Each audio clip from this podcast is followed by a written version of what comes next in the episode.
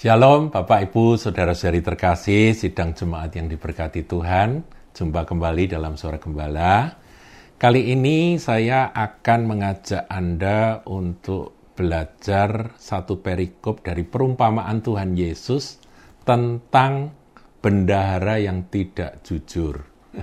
Ada banyak orang yang bertanya pada saya, dan setiap kali saya menjelaskan, menjelaskan, dan menjelaskan, selalu aja ada orang yang bertanya lagi tentang perikop ini. Karena ini memang sedikit membingungkan.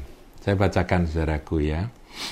Dan Yesus berkata kepada murid-muridnya, eh, ini Lukas 16 ya saudara, maaf ya.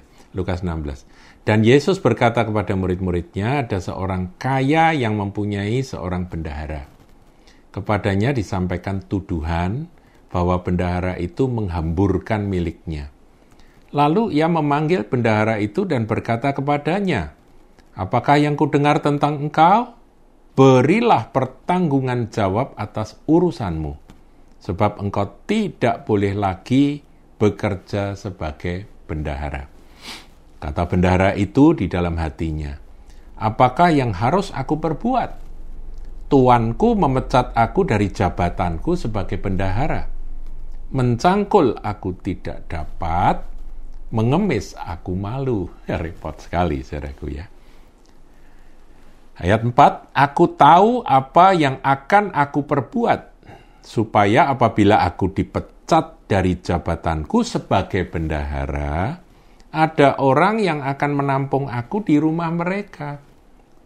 Lalu ia memanggil seorang demi seorang yang berhutang kepada tuannya.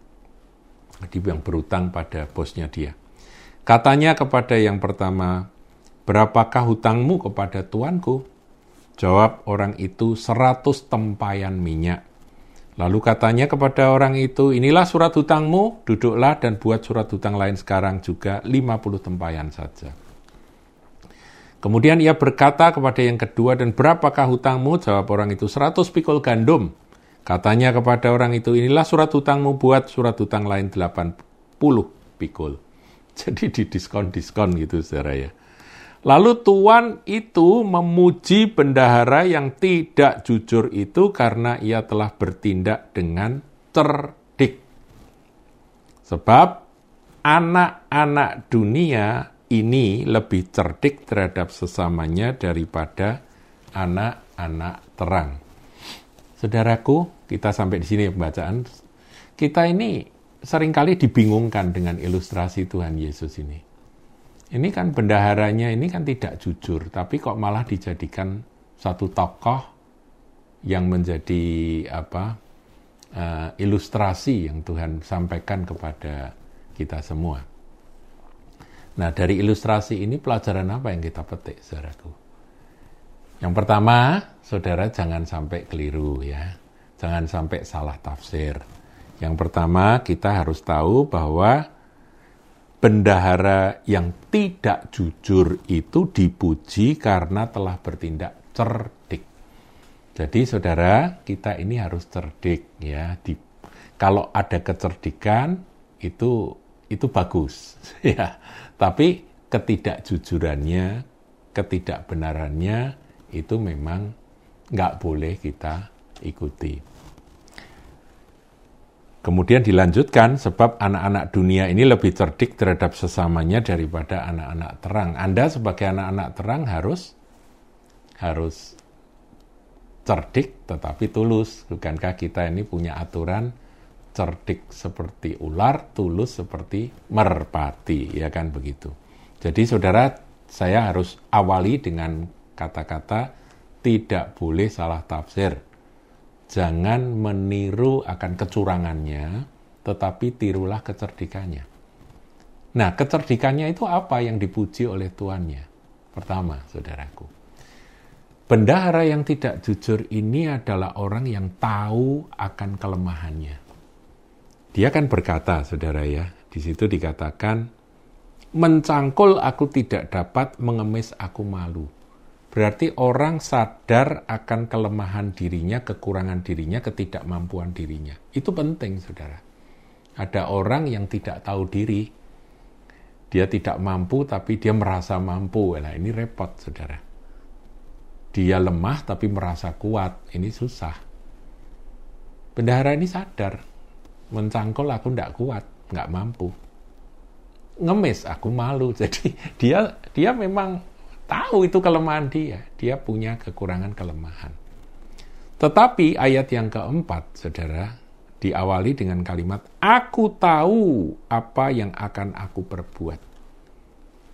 Supaya apabila aku dipecat dari jabatanku sebagai bendahara, ada orang yang akan menampung aku atau menerima aku di rumah mereka. Nah, di sinilah bendahara ini pertama, dia tahu kelemahan dirinya, kedua, dia juga tahu akan kekuatannya. Nah, di sini kita harus pahami, saudaraku. Kan dia tadinya dipanggil oleh majikannya, oleh tuannya. Kamu sudah aku ketahui bahwa kamu nggak jujur, kamu curang, jadi kamu akan aku pecat. Tapi masih ada kesempatan, saudaraku. Yaitu berilah pertanggungan jawab atas urusanmu. Itu ada di ayat 2. Sebab engkau akan aku pecat. Kamu engkau nggak boleh jadi bendahara lagi. Tapi sementara dia suruh menyelesaikan akan segala urusannya itu, dia masih punya kesempatan. Nah, di sinilah pelajaran yang harus kita petik. Kesempatan itu harus dipakai dengan sebaik-baiknya. Saudara punya kesempatan atau enggak? Kita sering nyanyi ya lagu, hidup ini adalah kesempatan. Iya, Berapa lama kesempatan kita? Nggak ada yang tahu. Kita nggak tahu kapan kita akan dipanggil pulang sama Tuhan. Tapi kesempatan itu selalu ada pada kita. Nah, bagaimana kita mengisi kesempatan itu? Yang pertama kita sadari kelemahan kita. Dan sadari kemampuan yang ada untuk mengisi kesempatan itu. Kemampuannya apa? Dia masih jadi bendahara meskipun hanya beberapa jam dan itu dia manfaatkan, saudaraku. Nah, di sini pelajaran tentang kecerdikan bagaimana seseorang itu bisa memakai akan kemampuan, kelebihan yang ada pada dia untuk mempersiapkan diri bagi masa depannya. Nah, saudaraku, bagaimana dengan saudara? Bagaimana dengan saya. Bagaimana dengan kita? Kalau kita ini punya kemampuan-kemampuan, kita mau pakai itu untuk apa? Saudara dikaruniai akan keterampilan ini dan itu. Saudara punya kelebihan-kelebihan ini dan itu. Mau Anda pakai untuk apa? Untuk mempersiapkan bahwa nanti akan selesai semuanya kita akan diterima di kemah abadi. Ya, itu nanti saya akan akhiri dengan membaca ayat 9, saudaraku ya. Ataukah kita nggak sadar bahwa suatu saat kita ini akan dipecat. Kita ini akan dipecat loh, saudara, dari hidup sementara ini. Pemecatan itu akan terjadi pada waktunya. Nah kita ini mau pakai kesempatan yang masih tersisa sebelum kita dipecat. Untuk apa? Pilihan ada pada kita, saudara. Itu yang dipuji. Makanya contoh-contoh akan anak-anak dunia yang lebih cerdik itu contoh. Yang dicontoh apanya? Bukan kejahatannya, bukan kecurangannya, tapi kecerdikannya di dalam mempersiapkan diri. Nah kita ini akan selesai dengan hidup di bumi ini, saudara Sudahkah kita mempersiapkan segala sesuatu untuk kekekalan? Ini merupakan perenungan buat kita, saudara. Tahu kekurangan, tahu kelemahan kita, ya, disadari. Sudah tahu itu kelemahan, ya jangan, jangan, jangan apa, jangan diandalkan, saudara. Tapi tahu juga kekuatan. Saudara jauhi kelemahan, dan gunakan kekuatan itu. Untuk apa? Untuk mempersiapkan diri. Sebelum pemecatan itu terjadi. Ada seorang hamba Tuhan berkata pada saya begini, iya Pak, kita ini punya dua tangan ini, ini masih bisa dipakai ini. Sebab itu, pakailah untuk hal-hal yang berguna. Pakailah untuk hal-hal yang memuliakan Tuhan. Nanti tiba waktunya ini tangan ini dipecat, sudah tidak bisa kita gunakan lagi. Sementara orangnya masih hidup. Ya, uh, beberapa waktu yang lalu saya sempat lihat di YouTube itu ada seorang uh, mantan penyanyi yang apa kena stroke, saudara masih muda kena stroke. Dia an, anu ya, kemudian dia bertobat dan ikut Yesus. Uh, kesaksiannya bagus ya. Namanya siapa tuh saya lupa. Dia tuh kasihan sekali, saudaraku. Padahal dulunya dia gagah, dulunya dia ganteng, tampan, dan dikagumi orang karena dia penyanyi. Indonesia, saudara ditinggal sama istrinya ya, ya sekarang menderita. Nah, berarti ada ada masa pemecatan atas kemampuan-kemampuannya. Dia tidak bisa nyanyi lagi. Sekarang masih bisa nyanyi, nyembah Tuhan, saudaraku. Masih bisa main gitar, pakai itu untuk kemuliaan Tuhan.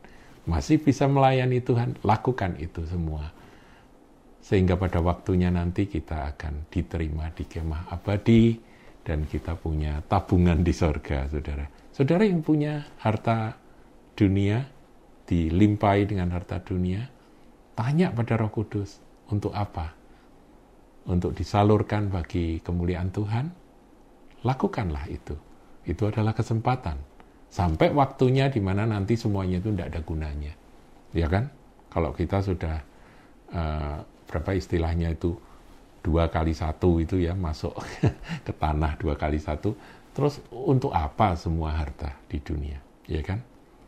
Nah, ayat 9 tadi saya janji untuk kita akan akhiri di ayat 9. Dan aku berkata kepadamu, ikatlah persahabatan dengan mempergunakan mamon yang tidak jujur, supaya jika mamon itu tidak dapat menolong lagi, kamu diterima di dalam kemah abadi. Tadi si bendara tidak jujur, dia berbuat baik, menggunakan akan wewenangnya untuk apa saudara? Apa yang dia masih miliki, yaitu kewenangan yang dimiliki, untuk berbuat baik. Orang yang utang pada majikannya eh, 100 pikul, ayo hitung 80 pikul, gitu ya. Dikurang-kurangi, didiskon-diskon sehingga orangnya utang budi sama dia, dia berbuat baik Nah, saya juga kasih tahu pada Anda setiap perbuatan baik yang Anda lakukan pada siapa saja itu sebetulnya bukan kemampuan Anda. Itu adalah punyanya Tuhan, ya kan? Saudara punya harta, saudara menolong orang dengan harta Anda, itu pun juga bukan hartamu, itu titipan Tuhan kan sebetulnya. Tapi si bendahara tidak jujur ini ngerti, dia mau dipecat, dia lakukan, dia pakai uang majikannya itu, uang bosnya itu untuk berbuat kebaikan sehingga ketika dia dipecat, dia bisa punya tempat tinggal, dia bisa diterima oleh orang-orang tersebut. Ini kan cuma ilustrasi. Yang kita uh, fahami, yang sesungguhnya pesan Tuhan, di kemah abadi, itulah kita akan diterima. Yaitu gunakan mamon dengan bijak, saudaraku. Mamon itu uang, saudara, duit. Pakai itu dengan bijak, supaya nanti ketika mamon itu nggak bisa menolong Anda lagi, anda diterima di kemah abadi. Tuhan Yesus memberkati.